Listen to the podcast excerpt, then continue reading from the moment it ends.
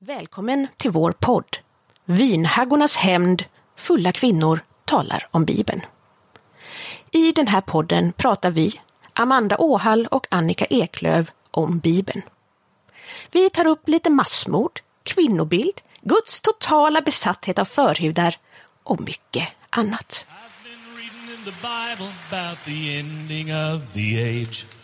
And one thing that's for certain, it grows closer every day. But I am not concerned about the way it's gonna end. Cause I've read the back of the book and we will meet.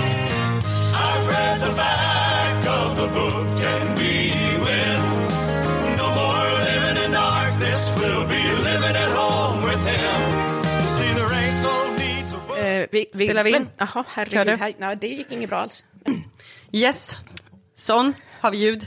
Vi har ljud. Underbart. Välkommen till Kortedala. Amanda Åhall, hur är Tack. läget? Jag är här i smyg. Ja, precis. Vi smyger. Amanda är här och inom situationstecken vilar.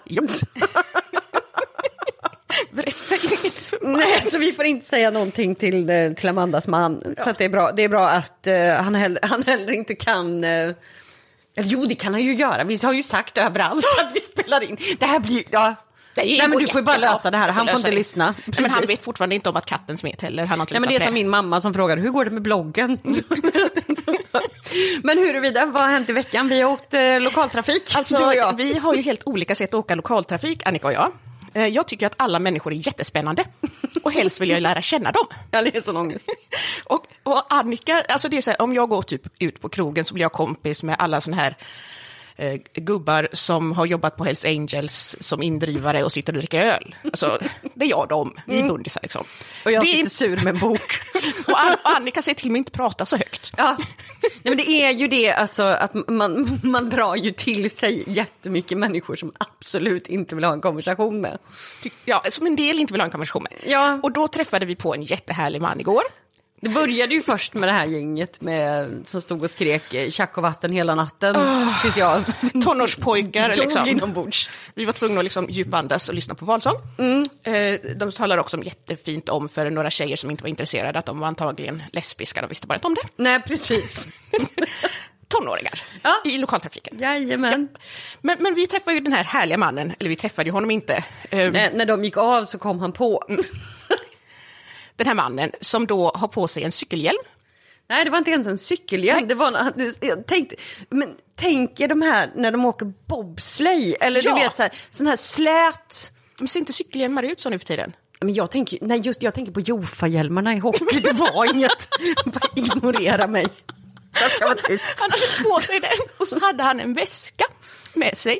Och, och så liksom försökte jag titta på honom och då blev Annika jätteupprörd. Nej, det- Ja, och så pratar han för sig själv. Mm. Och då vill jag ju liksom gärna lyssna och lära känna den här människan.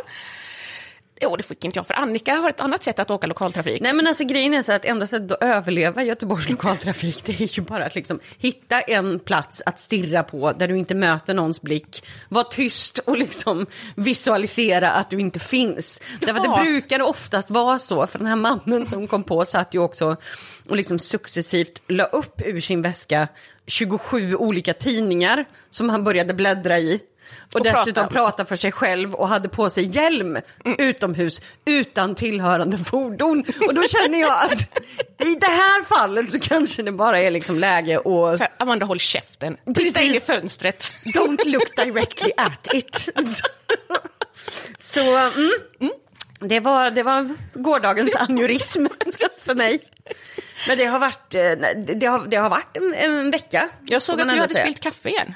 Jag spillde kaffe igen. Jag har, varit, jag har vevat så jag har... ehm, nej, men jag vet inte knappt vad jag, vad jag heter än. Men eh, istället för att jag orerar vidare om mina vredesutbrott, det kommer mer sen, så kan vi börja dra igång och eh, faktiskt börja med att berätta att vi har ju med oss en gäst idag.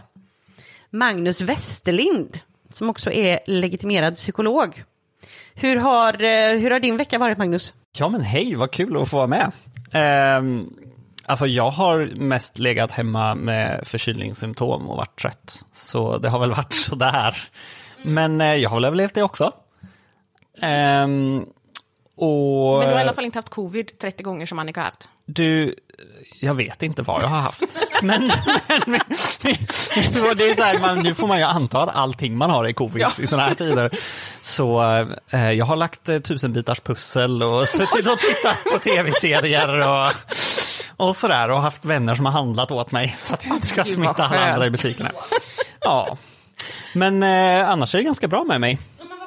Eh, och jag tänker också att eh, jag är ju psykolog, eh, men jag är också väldigt mycket här i egenskap av eran vän och också som en person som också har växt upp i en frikyrka. Eh, jag har växt upp i en pingstkyrka.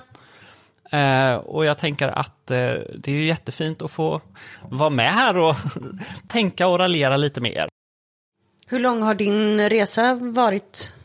Eh, menar du resa som i hur länge jag var med i en kyrka? Eller Ja, hur länge precis. Jag, eh, så jag växte ju upp i en pingstkyrka då, i Småland. Eh, det är väl lite otydligt. Jag, jag skulle väl så här i efterhand vilja hävda att, att min resa bort från det sammanhanget började någonstans runt tidiga 20-årsåldern. Eh, men det var en väldigt lång stegvis resa.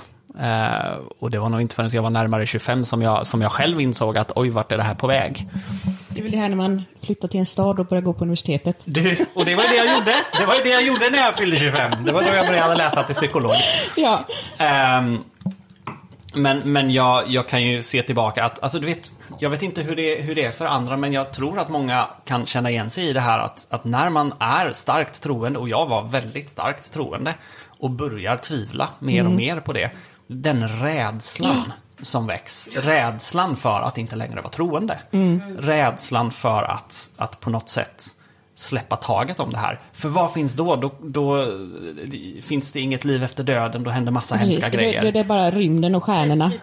Ja, precis. Syfilis Ja, nej men alltså, så, så, så, så otroligt mycket tror jag att, att de bitarna var det som höll tillbaka liksom, och, Mm. och bromsade ner processen för mig, om man säger så.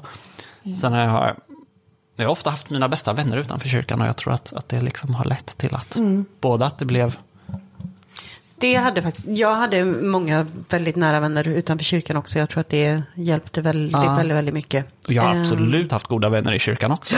Men, men mina allra närmaste har ofta varit utanför.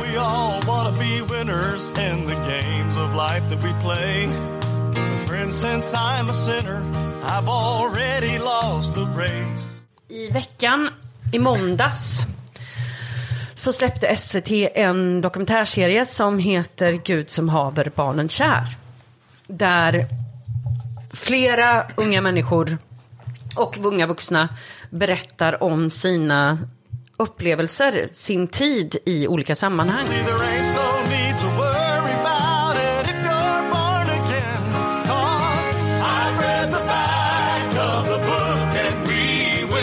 Nej, så att den här eh, dokumentärserien, den, den visar ju på eh, alltså väldigt, väldigt många som har farit väldigt, väldigt illa.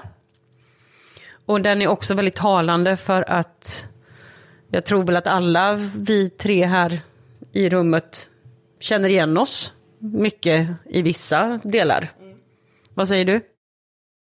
Um, nej men, eh, ja, nej men det är klart att, som jag sa innan, att jag har inte så mycket av de här liksom allra värsta eller mest traumatiska upplevelserna med mig. Men, men det finns ju ändå mycket av de här liksom processerna och, och sakerna de beskriver som jag kan känna igen mildare former av. Eller jag kan känna igen liksom strukturerna som ligger bakom det här. Och det har jag ju sett. Det har jag ju sett mycket av. Eh, Även om konsekvenserna inte alltid blir så illa som det blir i det som beskrivs i den här serien. Precis. Alltså, jag tänker lite så här, för att vi brukar ju aldrig ha alltså, ja, men direkt sådär aktuella ämnen. Vill du dra en liten harang, ett litet brandtal om varför vi har valt det? Alltså vi, brukar, vi säger ju det att vi ska prata om 90-talet och, och liksom, det, kyrkan och sådär. Men nu är det ju det att alla vi som växte upp då, vi är plötsligt vuxna och plötsligt så får vi höras. Oj, oj. Och, och det var liksom ingen som hade räknat. Precis. Och vi håller inte käften längre. Eh, och då när man gör ett program om det, när Anna eh, Lindman gör på SVT ett program som handlar om det, eh, så blir reaktionerna precis det som vi visste att de skulle bli. Vi trodde bara inte att de skulle göra det med namn och bild. Ja, För det som, som händer nu då är ju att eh, vi tog ju upp det i eh, avsnittet, eh, det här med vårt eh, lexikon för hedningar. Det sista ordet där var det väl som vi tog upp som var bitterhet. Och det är ju det som man då blir anklagad för i kyrkan om man liksom slutar tro eller man är lite upprörd på någonting. Då är man bara bitter. Och det här är ju liksom beviset på att det vi sa i förra avsnittet är helt sant. Ja! De säger bara, ja det kanske var så för er, men ni är nog bara lite bittra. Ja, det, det blir samma bemötande som ehm, ja, men mäns våld mot kvinnor. Inte alla män. Därför så kommer dagens avsnitt heta hashtag inte alla kristna. Det är ju inte bara just den biten med bitterheten, utan vi, har ju prat, vi hade ju ett avsnitt om religiöst trauma. Ehm, det som blir svårt är att beskriva hur man faktiskt som avhoppare blir bemött av många inom eh, kyrkan. Men Alltså framförallt med trauma. Precis. Eh, och det är ju det som de här personerna i den här eh, dokumentärserien, de, de berättar ju om trauman. Eh, och det är väl det som är det obehagliga då när liksom kyrkan går ut och säger att jaha, du kanske hade ett litet trauma, men jag är minsann uppväxt med elva syskon i skogen och, och, vi, hade, och vi hade det jättebra. toppen! Och mina barnbarn mår jättebra också, alla Ja. 30-12. Precis. Och logiken i det, det är ju samma sak som att om, om en människa liksom går ut och berättar om ja, men, våldtäkter, svåra sexuella övergrepp. Det är lika okänsligt då som person att sladda in i ett sånt resonemang och säga, vet du vad, jag har legat med fyra personer och ingen har våldtagit mig. Precis. De har haft toppen, vi har haft det så himla fint. Det gör man ju inte, därför att det är idiotiskt och oempatiskt. Men i vilket fall, så vi kommer börja med att utgå från då... Men det jag vill bara säga det också, att det- det här är ju det att, att de här personerna, de tycker ju att de är empatiska. Eh, så att, tänkte att vi, vi kommer börja med att utgå ifrån en eh, ledarskribenten, får man väl säga. Det är väl, eh, kan man väl säga. Ja. Frida Park, Dagen. Hon har ju skrivit då en, ett svar till den här eh, dokumentärserien.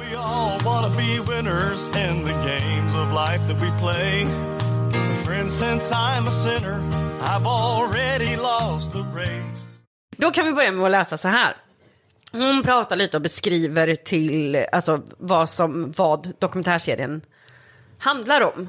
Ehm, och sen så börjar hon med det här. Första programmet sänds måndag den 7 februari. Efter det kommer troligen flera saker att hända. Trycket på troende kommer att öka i samhället. Politiker kommer ställa krav om att trycka tillbaka religionen än mer och på ökad kontroll. Neutral uppväxt kommer lyftas som ett ideal utan en verklighetsförankrad definition av vad det skulle innebära.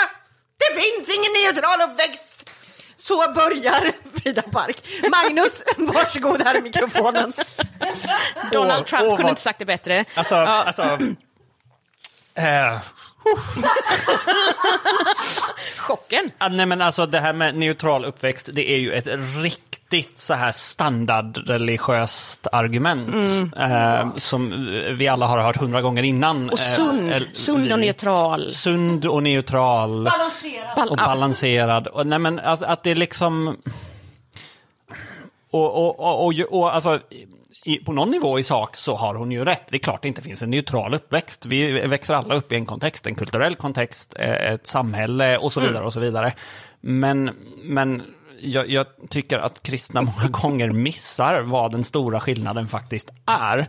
Det, det finns ju eh, människor i hela samhället som uppfostrar barn efter alla möjliga tankar och värderingar. Men Ja. andelen människor som inte är eh, radikalt religiösa eh, som istället väljer att uppfostra sina barn, inte utifrån en bestämd bild av hur världen är och vad som kommer vara bäst för dig, utan istället vill uppfostra sina barn genom att lära dem att tänka och själva utforska vad mår du bra av och Precis. vad blir bra för dig, är otroligt stor i, i min erfarenhet. Ja. Eh, För när man, när man har en, en stark tanke om att vi vet vad som är rätt och vad som är bäst och vad Gud vill, då, då, då finns det liksom, det finns ett begränsat utrymme för hur mycket eh, space man kan ge sina barn och välja själva. För man vill göra allt man kan för att förmedla den här sanningen till sina barn. Och jag förstår att man som kristen tycker det är fint, men jag som inte längre är kristen, jag tycker att det blir jätteproblematiskt. För att det finns så många barn som, som känner sig pressade att tro och göra eh, och, och tycka och tänka på sätt som de egentligen inte känner att de mår bra av. Det är ju det som är så fantastiskt. Vi, vi kan fortsätta här. Ja, men Men igår, när, igår när vi satt med våra, våra gammelpapper, vi har ju skrivit ut på, från en skrivare. ehm, och understrukit, men, strukit, men det är också det här att det är så mycket stolligheter i den här ledaren. så att, jag gav upp med att stryka under efter första sidan. Så att vi fortsätter helt enkelt Vi fortsätter. och sen så Ehm, liksom får vi... eh, Precis. Och, och hon skriver fortsatt. Önskvärt vore att SVT blev bättre på att spegla annat i kristenheten. Då vill jag bara, en, en liten inpass. Det här är det alltså människor som har varit traumatiserade upp över öronen, Ja. inte vågat berätta. Det har tagit i vissa fall fem år, i vissa 10, 15, 20, Ja. 30 år att våga berätta. Och då tycker att hon att, då är, då är hennes förslag att SVT ska bli bättre på att spegla annat i kristenheten och frågar sig varför inte frikyrkornas historia? Hur intresserade är vi av det gänget? Någon? Inte jag. Men, men eh, Men det då finns ju Utvandrarna. Det- Ja, i- den, den kan man titta på, Jättebra, på tv nu. precis. Den är jättedålig, men, men man då kan är det titta också på den. det som är så himla roligt, är att de fortsätter med varför inte frikyrkornas historia, så att det också blir mer tro, trovärdigt när avarterna granskas. Magnus, nu tänker jag bara kalla in dig som psykolog. Vad gör det med en människa när den blir beskriven som en avart? Det låter ju ganska jobbigt. Ja, lite. Ehm, nej men alltså, sen, sen vet inte jag, när hon säger avart, att, så, så tror inte jag bara att hon syftar på oss. Nej, ehm, inte, inte oss som, vinhaggor och andra som, som... inte längre är troende, utan jag, jag tror att hon, hon syftar på eh, de kyrkor som eh, andra kyrkor har tagit lite avstånd från, för att de har varit extrema på sätt som man även inom kyrkan har insett att det här var inte så bra. Jo, men alltså, det är ju det som är det roliga med den här eh, dokumentären, att här har vi liksom Evangeliska Fosterlandsstiftelsen, för övrigt världens konstigaste namn. Men eh, liksom de här eh, Frälsningsarmén, de här som liksom på något sätt anses inte vara avarter. Och det är vanliga pingstkyrkor och det är vanliga liksom, och, eh, svensk, ja precis. Men, men eh, då ska det kallas för avarter, för att det är ju ett ord som man då använder, precis som bitter. Hon skriver vidare. Risken är att den ensidiga bilden läggs som en blöt filt över allt värdefullt trossamfunden bidrar med till individer men också till hela samhället. Och, och jag skulle vilja säga så här. Va? Va? Precis. Det är exakt. Till hela samhället. Ja. Nu var det ju inte exakt det här som vi pratade om. Nej. Men okej, hon fortsätter. Ja, risken är även att de som hade kunnat bredda bilden, de ideella ledarna som ger av sin tid för att skapa meningsfull fritid till barn och unga, de församlingsaktiva som delar ut matkassar till behövande, de troende som genom sina osjälviska insatser gör att ensamma blir en del i en gemenskap. Inom situationstecken. Rällisarna har ingen aning om vad det betyder. Som hjälper olycksbarnen på fötter igen. Barn och unga som älskar sina scouter eller ungdomssamlingar kommer få det svårt att göra sin röst hörd. Eller att de till och med inte orkar eller vågar berätta om alla andra viktiga berättelser om kyrkorna. Ja, alltså, vi måste ju ändå tänka på barnen. Alltså, Eh, Och det är också så att det går ju faktiskt inte att knyta alltså- en enda knop utan att Jesus är med och lär dig. Ja, men alltså, man, kan, man kan lunta helt fritt utan Jesus. Jag, gjorde, jag var pyrom... Oh, det här, du som är psykolog, det här är en rolig fun fact om mig. Jag gick igenom en period när jag var ungefär tre fyra år, när mitt primära intresse i livet var att sno saker för att elda upp dem. För jag, jag, gillade, jag ville veta vad som kunde, inom situationstecken, brinna bra. Magnus, micken är din. Jag tänker inte göra någon djupare analys av det. Det låter inte det lite smått demoniskt? Eller? Det är jättedemoniskt. Det beror på vad Det- man bränner. Det är något med det här med att ha varit kristen som gör att det är väldigt skönt att få raljera. För det är tillåtet nu. Ja. We all wanna be winners in the games of life that we play. And friends, since I'm a sinner, I've already lost the race. Men om vi tar som exempel då. Eh, det här med det här, otro, det här brandtalet. Som om dessutom bara byter Hur ämne. det ska gå för... Hur, hur i helvete ska det gå för alla scouter? Eh, Magnus, vad, vad händer med scouterna i det här sammanhanget? Alltså, jag, jag, jag har lite svårt att, att svara på exakt den frågan. Men, men det jag tycker är, alltså det här är ju inget unikt för kyrkan att svara på kritik på det här sättet. Utan, utan jag tänker att, att det jag, det det här för mig låter som, det är ju en rädsla för att, att när kyrkan kritiseras så är man rädd för att det man själv upplever är eh, eh, sanningen inte kommer nå lika många människor. Och man är väl mm, liksom Ja, men det är så här- beredd att kompromissa på ganska mycket för att inte minska på den chansen. Ja, men det är så här, först kommer covid och, och sen kommer Anna Lindman och SVT. Liksom. Ingen kommer gå till kyrkan längre. Det är ju fruktansvärt för dem. Hon fortsätter skriva. Och då vill jag bara påpeka att det här gäller alltså scouterna och, och inte de här barnen som har farit illa. Stigmatisering har ofta den effekten. Och ofta drabbas barn och unga hårdast. Det är också ett perspektiv. Men att tystna är inte ett alternativ. Att sluta finnas för andra människor är inte möjligt. Bilden måste breddas. Och det är inte bara kyrkorna som kan göra det. Vänta, vänta lite, här. nu skriver hon förslagsvis genom de personliga erfarenheterna av tro.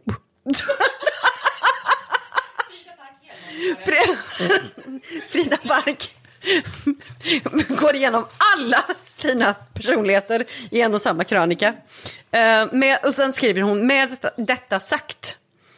Ehm, Pastorer, ledare och föräldrar i kristenheten borde se vartenda avsnitt av serien. Nu har de plötsligt ändrat sig. Ta in barnens upplevelser, deras smärta och deras sår. Låt oss tillsammans reflektera över det som berättas. Är det något vi kan ta med oss av? Är det något vi kan ta med oss av? Då vill jag bara säga att det är en dokumentärserie med unga människor som har farit så illa, som har blivit fördömda till helvetet, uteslutna ur sina familjer. Det här händer inte bara någon annanstans, det händer även i frikyrkan. Jag, Men det händer i avarterna. Ja, precis. Är det här något vi, hon skriver vidare, är det här något vi behöver göra annorlunda i vårt sammanhang? Ja, men uppenbart! Det, det här som du just läste, det var nästan som en personlighetsförändring mitt i texten. Eh, där, där det, liksom, det skiftar från att vara väldigt kritiskt mot att det här får ta utrymme Precis. eh, till att vara, men det här måste vi lyssna på. Ja, Eh, och det där har jag ganska svårt för. jag med. Det känns nästan som att det är, skillnaden är så stor så att man känner nästan som att det är två olika personer som har skrivit det. Nej, men vet du vad, jag, vet vad jag tror och tänker om jag utgår ifrån mig själv? Bara inte från, alltså det här har ingenting med Frida att göra. Nej, nej. Utan nu pratar jag enbart om mig själv. Om jag minns tillbaka på hur jag fungerade när jag var troende, så var jag väldigt tudelad. Ja. Jag hade ett inre liv med tron som jag hade en åsikt med. Och sen så hade jag också sunt förnuft så att jag visste att det liksom fanns en verklighet utanför. Så att man, när jag läser det här så läser jag ut en människa som har sina åsikter men också vet vad hon bör säga för ifall det kommer utomstående granskning. Just det. Den, den är, det är faktiskt en aspekt att ta med i det. Så att det här med att vi ska lyssna på dem, tänker du Det är spel för gallerierna. Att spel för gallerierna. Tror Ja, du? det tror jag personligen. Eh, Annika Eklöf, ni kan citera mig på det här. Men, nej, men alltså det, det, är, det är lite det som är saken. Därför att, att hålla ett sånt här brandtal om hur det ska gå för scouterna. Det är ute med oss alla. Domedagen är här! Ehm, och sen i nästa mening säga att alla måste lyssna på det här. Ehm, och, och, och läser man det här, hon skriver vidare. Visst, det är inte svårt att finna argument för att bemöta vissa inslag. Det, det skulle jag gärna vilja ha mer detaljer kring. Det skulle jag jättegärna vilja ha mer detaljer kring. Men, men jag är också så här att, alltså så här, den här rädslan för, för kritik och konsekvenserna av det. Så jag tänkte redan som troende att om min tro håller, om min tro är värd att ha, Ja. Då ska den kunna ta all kritik som man Exakt. kan kasta på den. Då och blir- kan den inte det, då är det min tro det är något fel på. Ja. Det finns inget farligt med kritik. Kritik är hälsosamt och nyttigt Mm. och nödvändigt för att vi ska kunna sålla mellan våra bra och våra mindre bra idéer. Mm. Eh, så jag tror inte att hon gör det här medvetet. Men det, det blir, när hon formulerar sig så, så, så, så blir det tror jag, väldigt jobbigt att läsa för många Mm. som har varit, eh, känt sig utsatta i sina religiösa sammanhang. För man känner nog igen sig. Absolut. Man känner igen sättet att... Man minns. Man minns, man känner igen sättet att, när man ifrågasatte saker i sin, sitt sammanhang, att man också blev attackerad på liknande sätt eh, med kritik. Eh, och jag tror att det är en anledning till att många faktiskt har varit tysta så länge. För att man är Ja, rädd för att få respons på det här Precis, sättet. och det finns ju också en anledning till, alltså det här med liksom, kristnas evinnerliga, det är en förföljelse, vilket, vilket inte, inte stämmer för att vi blir inte mördade för att tro i det här landet. Men en sak som är, är ju, som jag, om jag, om jag liksom, om jag åsidosätter min brinnande vrede i, no, i några minuter, så kan jag också minnas hur jobbigt jag som ändå var liksom, jag hade vänner utanför kyrkan. Jag tyckte att det var jobbigt att hela tiden bli förlöjligad för min tro. Det är en aspekt att ha med i diskussionen. Att oavsett, alltså, oavsett så är det väldigt, väldigt många kristna som konstant blir förlöjligade för sin tro.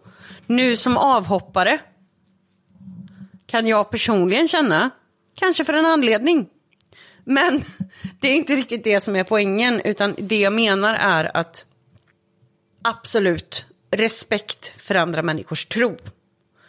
Men din personliga önskan om att inte bli förlöjligad får inte gå före andras berättelser om övergrepp.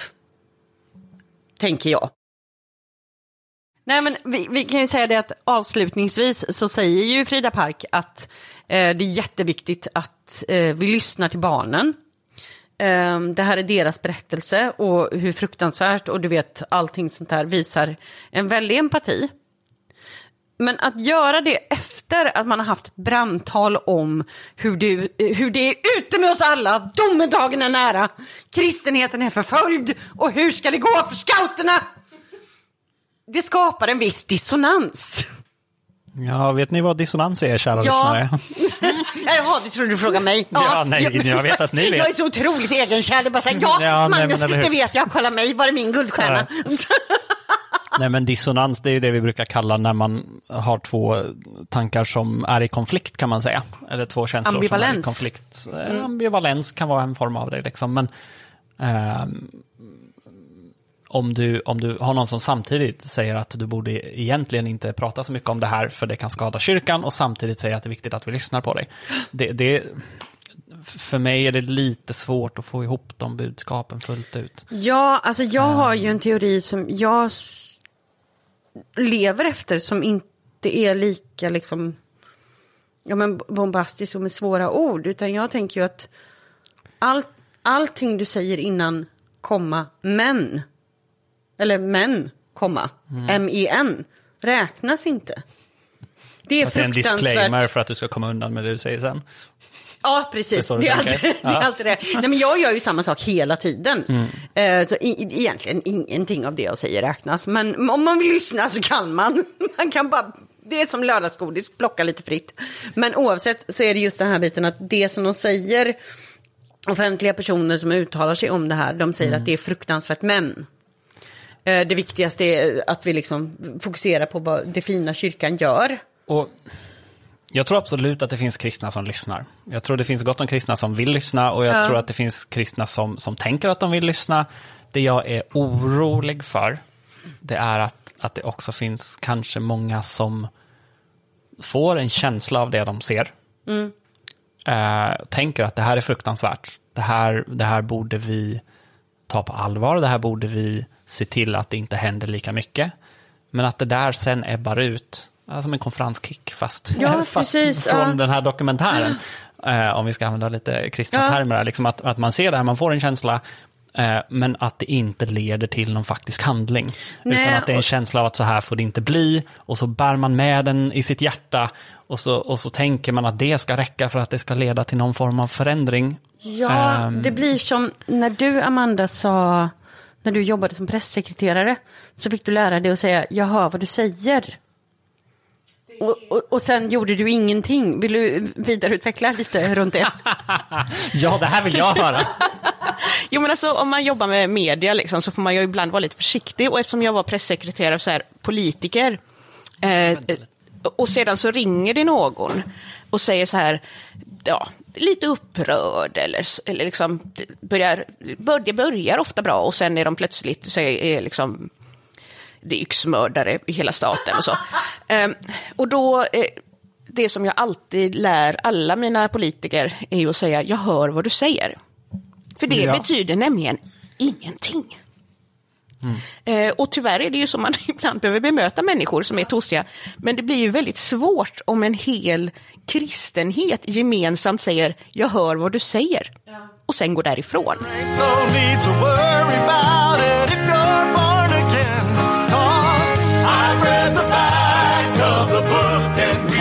görs av Annikas kommentarer här inte hörs så väl alla gånger. Ja. Jag har Ja. snott hennes mick. Precis. Det var Så vår kompis Amanda, och hon upplevde ju verkligen att hon, hon blev liksom utkastad när hon eh, berättade om sina känslor och, och, och framförallt då kanske om, om det här med, med sexualitet och, och liksom, Hon skrev ett blogginlägg, ett kritiskt blogginlägg. Och sen så fick hon ett mejl av sin eh, försam alltså församlingsledning. ja, och det, det finns faktiskt, eh, han har till och med skrivit det på Facebook, så det finns öppet att läsa. Och där blev hon utesluten eh, ur församlingen. Eh, och nu är det intressant därför att i och med att vi känner henne så har vi liksom följt den här resan och eh, vi har även på, p- på Vinhaggornas Instagram Ja, så finns det en sån festgrej uppe på, i- herregud jag är lastgammal, jag vet inte vad det heter. Men de här cirklarna som finns ovanför allting, så finns det en, en eh, länk till Amandas blogg. Eh, där hon pratar eh, om eh, ja, men ett, ett inlägg som vi tycker är väldigt fundamentalt och viktigt. Eh, och hon har ju varit väldigt, väldigt tydlig med det här. Att det här har hänt mig och hon vill ju verkligen ha en dialog. Eh, och då var det så intressant att den här pastorn dök ju upp i hennes kommentarsfält. Ja, alltså han har ju eh, inte svarat. Hon har sökt honom massor Under med flera gånger, år. flera Mm. år. Eh, och plötsligt så kommer då den här dokumentären där hon talar fritt. Och då kommer han plötsligt in och ska säga liksom förlåt. Men han säger förlåt, men. Förlåt men. Och just den här, det som jag älskar med Amanda det är att hon, eh, hon säger ju, eh, Men tack, vad fint för ditt förlåt. Jag tänker de här 7000 mejlen som jag har skickat till dig med frågor om vad vi egentligen har för syn på hbtq inom församlingen. Hade varit kul att liksom få besvarade innan Precis, du går ut Eh, offentligt och du, försöker du går liksom ut göra avbön. och försöker liksom göra avbön. Och då är det roliga, och det här är en sån himla intressant grej, för det här händer hela tiden. Det han svarar henne i kommentarerna, det är att, ja, nej men, ibland så är det svårt för att ibland svarar inte jag på mejl för att jag inte vet. Nej, men nu har du ju haft två år på dig. Du har ju liksom haft, du hade ju kunnat säga, jag återkommer. Utan, Nej, jag har tänkt klart. Precis, jag har tänkt klart. Men det, alltså, vi har ju sagt det förut, att pingst har ju ganska ofta jättemycket otur när de tänker. Eh, Så det, det här är ju ingenting som vi är förvånade av. Men jag tycker Nej. att det är intressant att så som han svarar henne är att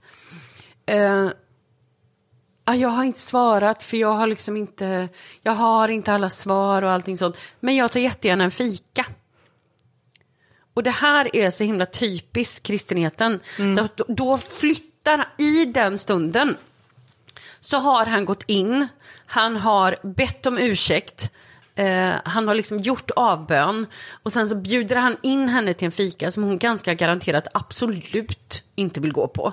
Men hon säger absolut, säger hon. Ja, precis. Men samtidigt så är det, är det för att det är så vanligt. För att då gör han så att han flyttar eh, sitt offentliga ansvar till det privata. Ja. Att säga att jag kan jättegärna svara dig men vi kan ta en fika. Det betyder att jag kan jättegärna inte svara dig här. Där, andra, där vem som helst kan läsa. Men jag Precis. kan svara bara dig. Och på, därför att då i förlängningen, om hon sen skulle berätta vad han säger under den här fikan. Så är ju, ja då står ord mot ord. Nej, jag har föreslagit inspelningsapp. Ja, precis.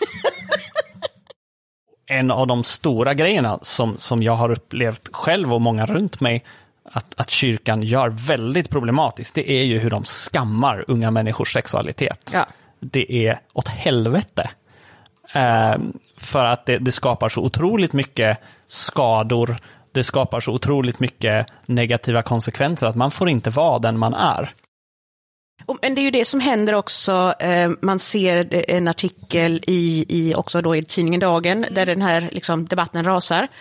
Eh, det är det här och, och hur mycket kläder man får ha på sig i friskolan, det är en grej i Dagen också. Eh, men då ser man ju hur den här killen Robin Ja. bemöts. Eh, som alltså då får höra att han är äcklig och smutsig när han kommer ut som homosexuell. Eh, och då går, och han var då med i Frälsningsarmén, något som vi alla andra tänker så här att ja men de är ju snälla och fina. Eh, och då går den här eh, chefen för Frälsningsarmén i Sverige ut och säger så här, ja men det var ju fruktansvärt det som har hänt. Oj, oj, oj, förlåt. Och så går jag in på Frälsningsarméns hemsida och läser vad de tycker om äktenskap. Och de Berätta. tycker fortfarande att äktenskapet är mellan man och kvinna och allting annat är avarter, i en jättefint ord. Precis, Eh, avvakna igen. Nej, men alltså, problemet är att de kan säga förlåt hur mycket de vill, men de tänker inte ändra sig. Och då Nej. är ju inte ett förlåt ett förlåt.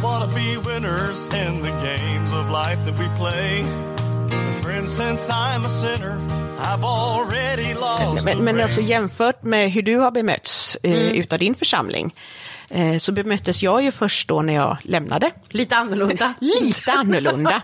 Mer så här total tystnad. Eh, mm. Jag ville ha ett samtal med huvudpastorn. De skickade den nya ungdomspastorn eh, som liksom inte ens hade varit med på den Nej. tiden. Eh, och så skulle han liksom förklara det. Eh, men sen liksom, 13, 20 år framåt. Vi klipper i filmen, Vi klipper 20, i filmen. 20 år framåt. Ja. så så eh, händer det sista Knutby-avsnittet kan man väl säga då, att Knutbyförsamlingen eh, ja, försvinner. Ja, men det, eh. det handlar, du, la, du, du, la du fick ju din artikel publicerad under tiden som eh, ja, pastorerna som... var i rättegången Ja. för Knutbysekten. Precis, och då skrev jag en, en debattartikel som hette att Knutby kan hända igen. Där jag skrev att det, är, det liksom handlar inte om avarter, utan det här handlar om eh, den vanliga, den, det, som, det som sades till oss och att alla vi kunde hamnat i Knutby och att många av oss av misstag inte hamnade i Knutby. Eh, och, och då liksom väcktes jag eh, klockan åtta på morgonen, typ 13 sekunder efter att artikeln har hamnat på nätet. Eh, utav då att den här huvudpastorn plötsligt hör av sig till mig. Och, och jag vet inte ens hur han fick tag på mitt telefonnummer. Men, men han eh, då hör av sig via sms och frågar mig liksom, ja, men, ha, eh, och börjar ifrågasätta mitt minne först. Kommer du liksom, åh vad synd att du kommer ihåg att det var så här. Och så skriver jag till honom att ja, det var inte bara det att jag upplevde det så här, utan haha, det, var så här. det var så här, jag har dagboksanteckningar med datum. så här, tjejer skriver dagbok. Eh, och, och liksom kunde tala om för honom exakt vad det stod, men fick liksom fortfarande hela det här minnet. Som att jag liksom bara mindes fel. Och som att det nästan var mitt fel då, det här med att man blir bitter. Eh, Men hela det här slutade ju till slut, eh, liksom efter ett dygn av tusen sms, för att han vill ju inte heller ringa mig. Eh, Så frågar han till slut, vad vill du ha av mig? Och då skickade jag ett litet fint bibelord om det här med att leva i ljuset. Och så sa jag till honom att jag kräver inget av dig som inte Jesus kräver. Och sen tog det slut. Så att så kan man också bli bemött.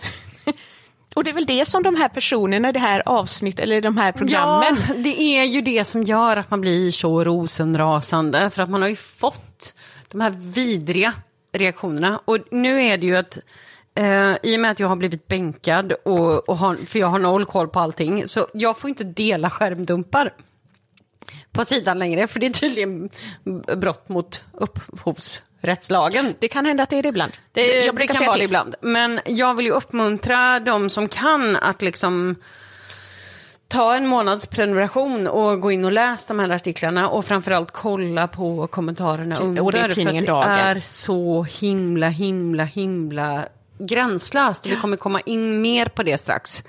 Men jag undrar ju lite, det du berättar om din tidigare, tidigare Mm. pastor.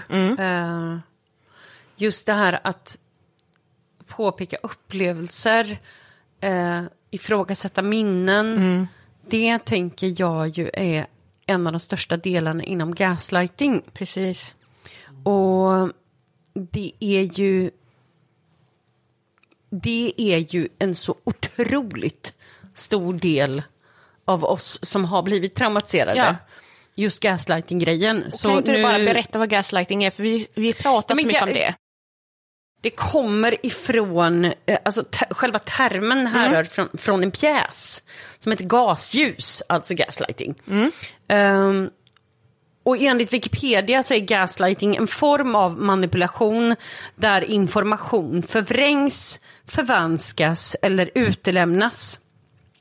Eller där falsk information presenteras med avsikten att få offer att tvivla på sina egna minnen, uppfattning och sinneshälsa. Det kan variera från att förövaren endast förnekar ett begånget övergrepp till att iscensätta bisarra händelser med avsikten att desorientera ett offer. Ehm, jag tänker att en, en, för att förenkla gaslighting, eh, tala med greker på grekers vis, så är det ju att gaslighting är eh, till exempel om du har en vänskapsrelation eller kärleksrelation eller någonting där någon ljuger för dig konsekvent. Man känner ju ofta på sig när någon ljuger. Eh, och du ifrågasätter det och den nekar till döden. Och sen så när personen väl erkänner att den har ljugit. Din instinktiva reaktion på det här är ju inte att du blir arg på personen för att han har ljugit, utan du blir arg på personen för att han har fått dig att tro att du är galen. Och det är gaslighting. Alltså att, att någon förvränger situationer så att du börjar alltså, tvivla på din mentala hälsa. Min, min spontana reaktion är att när det här händer i religiösa sammanhang så, så tänker jag att min gissning är att det ofta har att göra med att när, att, återigen, eh, vi var inne lite på det här med att man har en bestämd tanke och åsikt om någon absolut sanning om hur världen funkar och sådär. Och har man det, och så kommer någon med upplevelser och berättelser som inte alls stämmer in på din bild av vad din tro eller din kyrka eller ditt sammanhang borde vara. Så det är väldigt lätt att ramla in i att det är inte sammanhanget det är fel på. Det är den här personens upplevelse. Eh, Ja, och men... att du liksom, att du då, då blir att då förvränger du saker för att rationalisera hur ditt Ja, sammanhang därför inte är att du utgår fel. fortfarande från Du ett perspektiv där, eh, ja, men inte bara det, varumärket före allt. Därför att jag kan sätta alla mina, ja nu har jag ju inga pengar, men, Det- nej, men det- all, jag kan säga, jag sätta alla mina LP-skivor på att det finns jätte, jättemånga människor i frikyrkan som hanging on by a thread. Alltså som kämpar och lider med att de liksom inte får ihop det.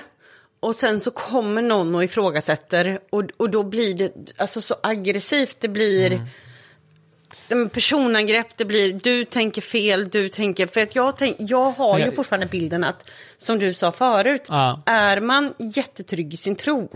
Om någon kommer och säger att jag har farit illa, jag har ehm, varit med om det här och det här och det här, så är ens naturliga första respons empati. Det här är fruktansvärt.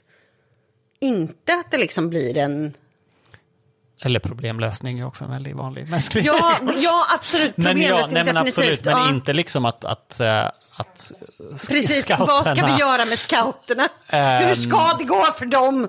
Nej, men det blir, Domedagen är här! men det, det blir ju lite nästa, det blir lite nästa nivå på, på det jag var inne på. Liksom, att, Ja. att, alltså, om du dessutom i den här sanningen har att alla människor måste veta om den här sanningen. Alla människor måste veta om och tro på samma sak som jag. För annars så, så finns det ett evigt liv i fördärv och äh, hemskheter som Precis. väntar dem. Eh, då, då skyr du ju inga medel Nej. längre. Eller, eller, eller Nej, men det- det kanske, är- det det kanske var fel bra- ordval, men det, det, det blir liksom att det blir så lätt då Ja. att ta i ordentligt eh, alltså, och, och liksom att, att tänka att det är viktigt att varumärket håller. För om inte Precis. varumärket håller så kommer människor också inte längre att vara med på det här. Nej, Eh, och det då kommer de människorna gå förlorade. också. Ja, vi fick ju en jättefin kommentar om det. Får jag ta den? Ja, kör. Ja, vi, vi har ju då, eh, trots att de eh, liksom ger sina egna namn och sånt, tänker vi inte läsa upp dem, utan Siv med W. Skulle ni hellre se dem ta emot demoner? Det är nog så att man hellre blir skrämd in i himlen än att komma in i helvetet genom andlig blindhet. Vi talar här om evigheten. Och, och då vill jag ju bara säga att alltså, det första som hände för mig när jag slutade tro, det var ju den oerhörda lyckan av att inte behöva tro på himlen. För att om himlen inte finns, För ville du inte sjunga i en kör med vita kläder i all evighet? så jag hade lite problem med det, eh, också med arkitekturen som jag hade för, framställt för mig. Men, men liksom, att om jag inte behövde tro på himlen, då, då fanns ju ingen idé med helvetet och då, liksom, då försvann ju hela poängen. Det var jätteskönt. En, en annan artikel som har kommit som svar på den här dokumentärserien. Det är tre personer från olika samfund. En är från EFS, en är från eh, Pingst och en är från Frälsningsarmén. Som svarar på själva dokumentärserien. Eh, och då återkommer samma sak. Det här är hemskt, men. Och då var det en specifik del som jag reagerade på. Ehm, och då är det en kvinna som heter Kerstin Oderhem från EFS då. Eh, som, som säger att hon anser att det överlag är mycket negativ publicitet om religionens roll i samhället och menar att det är sorgligt eftersom så många människor upplevde kraft och glädje i sin kristna tro. Det här är hennes mening. Meningen som följer, och då vill jag bara påpeka att hon, det är så mycket negativ publicitet. Men, I meningen efteråt säger hon, hon tar de nyligen tv-sända gudstjänsterna från Santa Clara kyrka i Stockholm som ett exempel på när det positiva med tron lyfts fram. Det är något hon vill se mer av. Och då blir jag bara sån här, alltså det här är det som de här ledarna ser det som är ju negativa eller positiva aspekter av tron som lyfts fram. Den här dokumentären handlar inte om det. Det handlar ju om att de har varit utsatta för fruktansvärda trauman.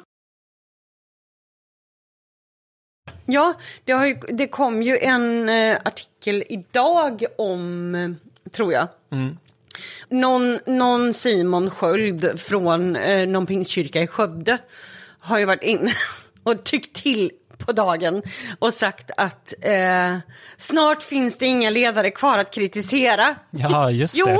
det finns det. Simon, låt mig börja med dig. Ja, jag tittar på dig.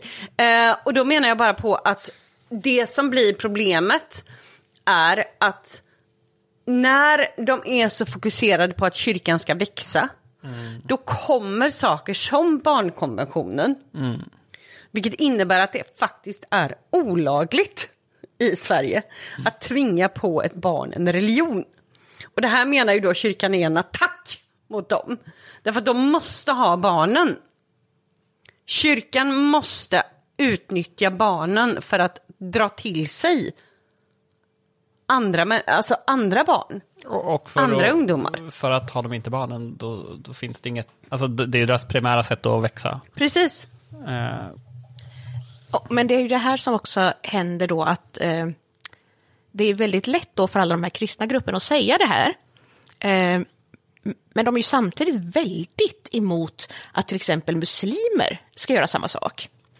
Eh, eller, eller då att, eh, så, som till och med vi då, som liksom med vår ryggradsreaktion, är då det här med att, att ja, men Jehovas vittnen, det, så är det ju inte liksom, i frikyrkan. Och så bara, eh, jo, så är det. Eh, att, att liksom vi fortfarande har kvar det. Och det är inte så att, att eh, när eh, SVT har gjort eh, program om Knutby eller om Jehovas eller om mormonerna e- eller liksom någon annan religion, då går ju liksom inte de kristna igång och säger liksom att de stackars scouterna kan inte knyta knopar utan Jesus. jag tycker det blir lite obalanserat. Vi behöver visa lite mer mormonska gudstjänster i SVT. Precis, För att balansera upp där. saker Frida Park inte säger.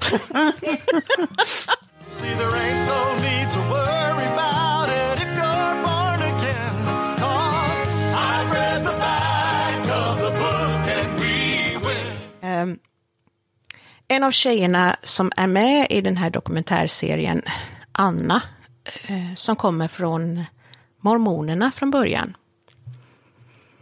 Hon har skrivit en text som hon vill att vi ska läsa in och lägga upp.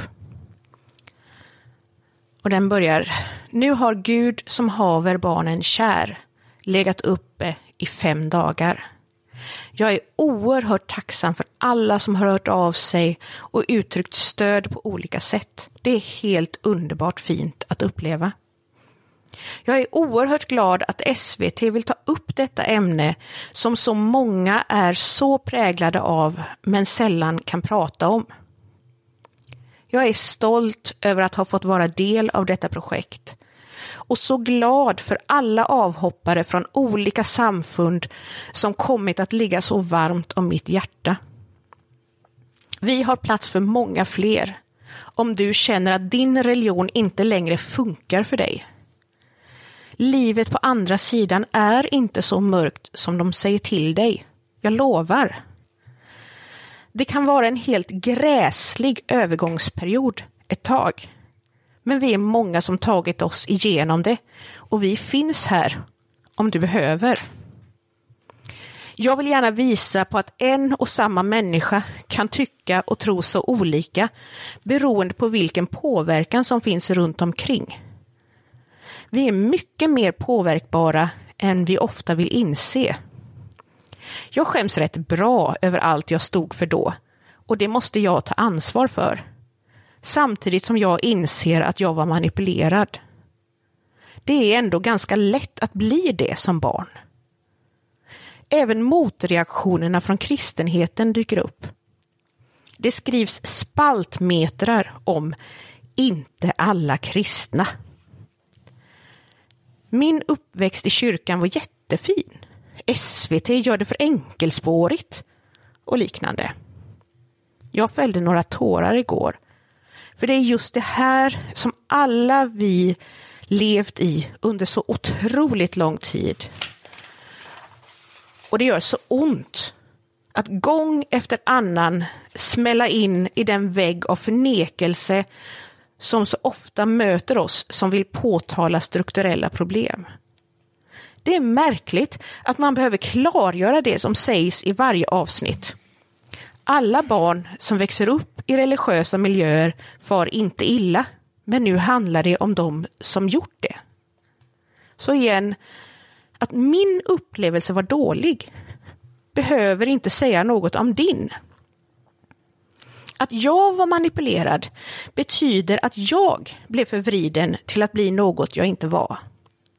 Samma lära kanske inte manipulerar dig, utan kanske hjälper dig att blomstra. Det är ju det som religionsfrihet handlar om. Att alla har rätten att välja själva.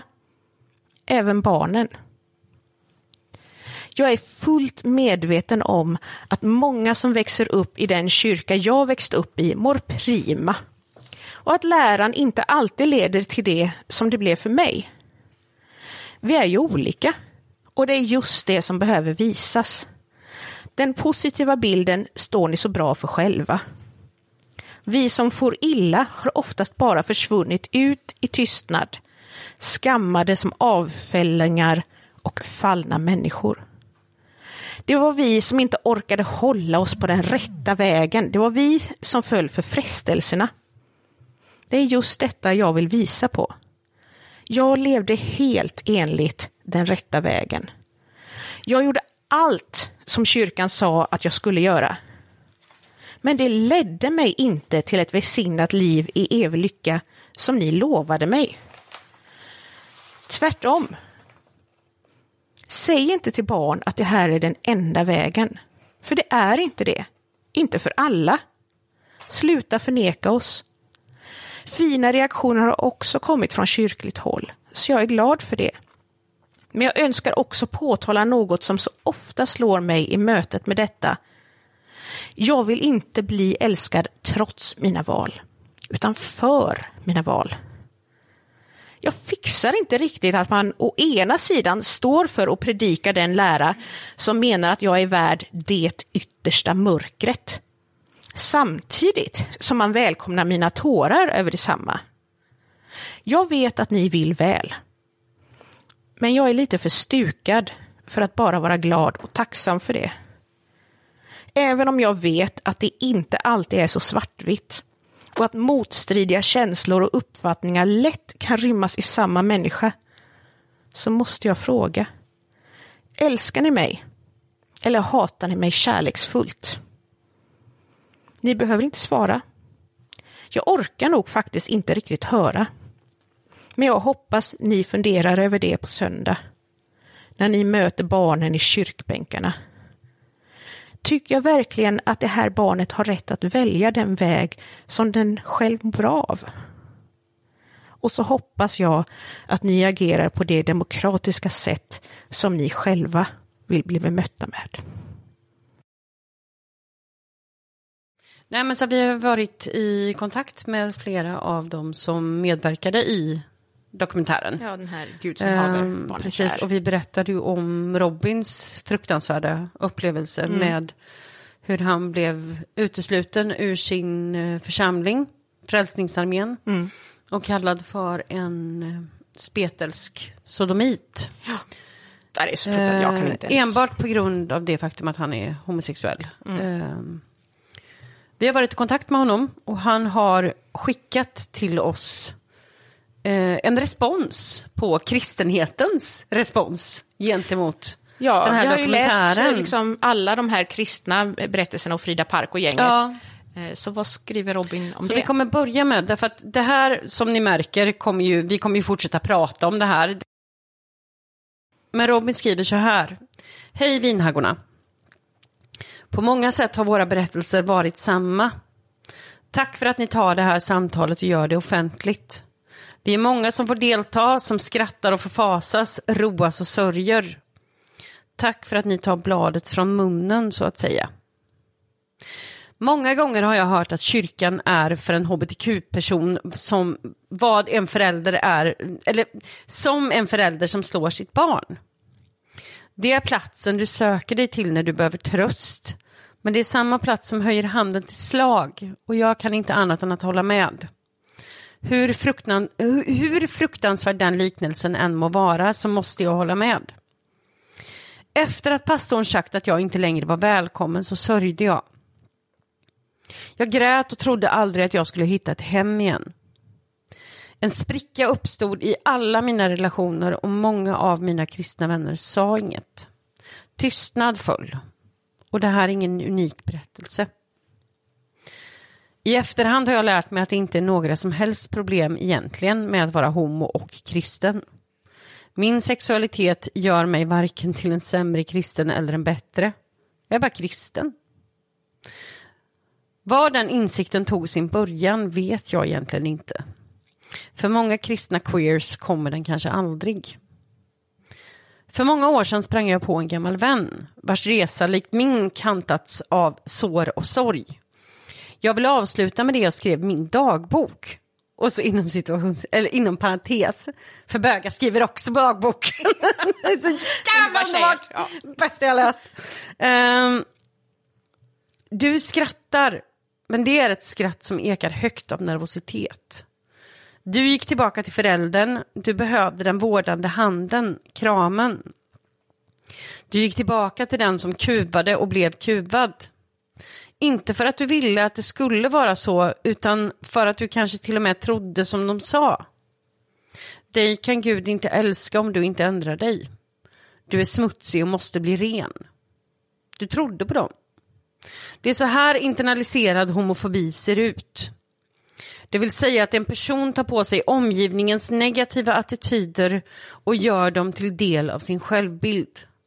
Deras ut okunskap och antihomo blev din självbild.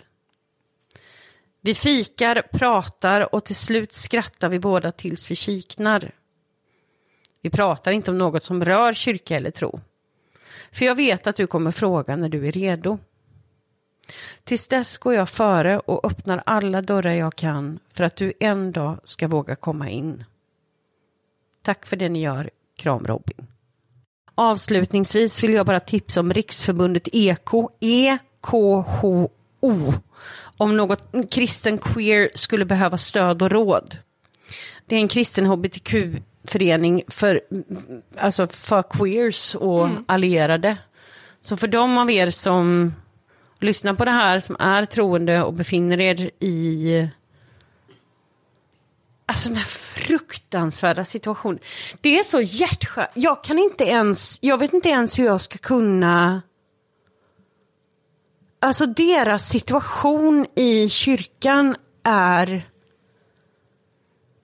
Jag vet, jag vet, alltså, jag vet inte vad jag ska säga. Nej, det är ju det. Uh, och jag tänker att vi kommer ju liksom fortsätta prata om det här, men uh, det kommer ju komma framöver. Det här är ju liksom inte ett ämne som är uttömt.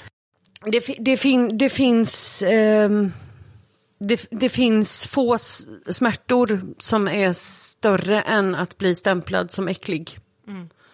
Eh, och därför så vill vi... Vi är ju inte troende.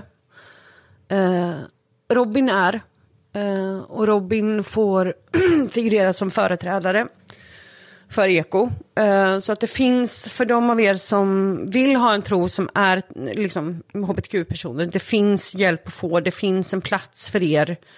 Ehm, alla är inte rövhål exakt hela tiden. Många är det, de flesta, det är ju min. Men alla är inte rövhål exakt hela tiden. Det finns platser där ni får vara. Eh, och jag vill också säga att fy fan vad ni har varit med om. Och tack för att ni berättar. Tack. Så vi avrundar dagens samtal med det. Så hörs vi sen. Ehm, Och så, så fortsätter vi med samma ämne nästa vecka. Mm. Underbart. Tack för idag. Ha det gött, hej. I've been reading in the Bible about the ending of the age. And one thing that's for certain, it grows closer every day.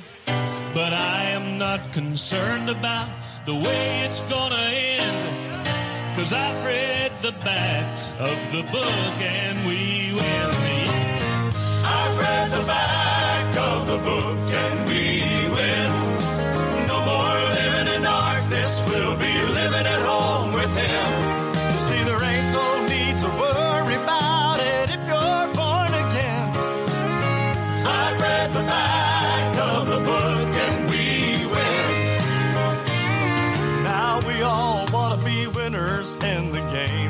life that we play.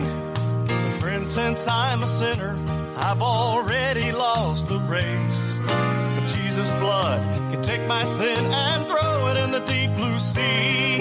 He'll put an end to my last place living. He'll give me the victory.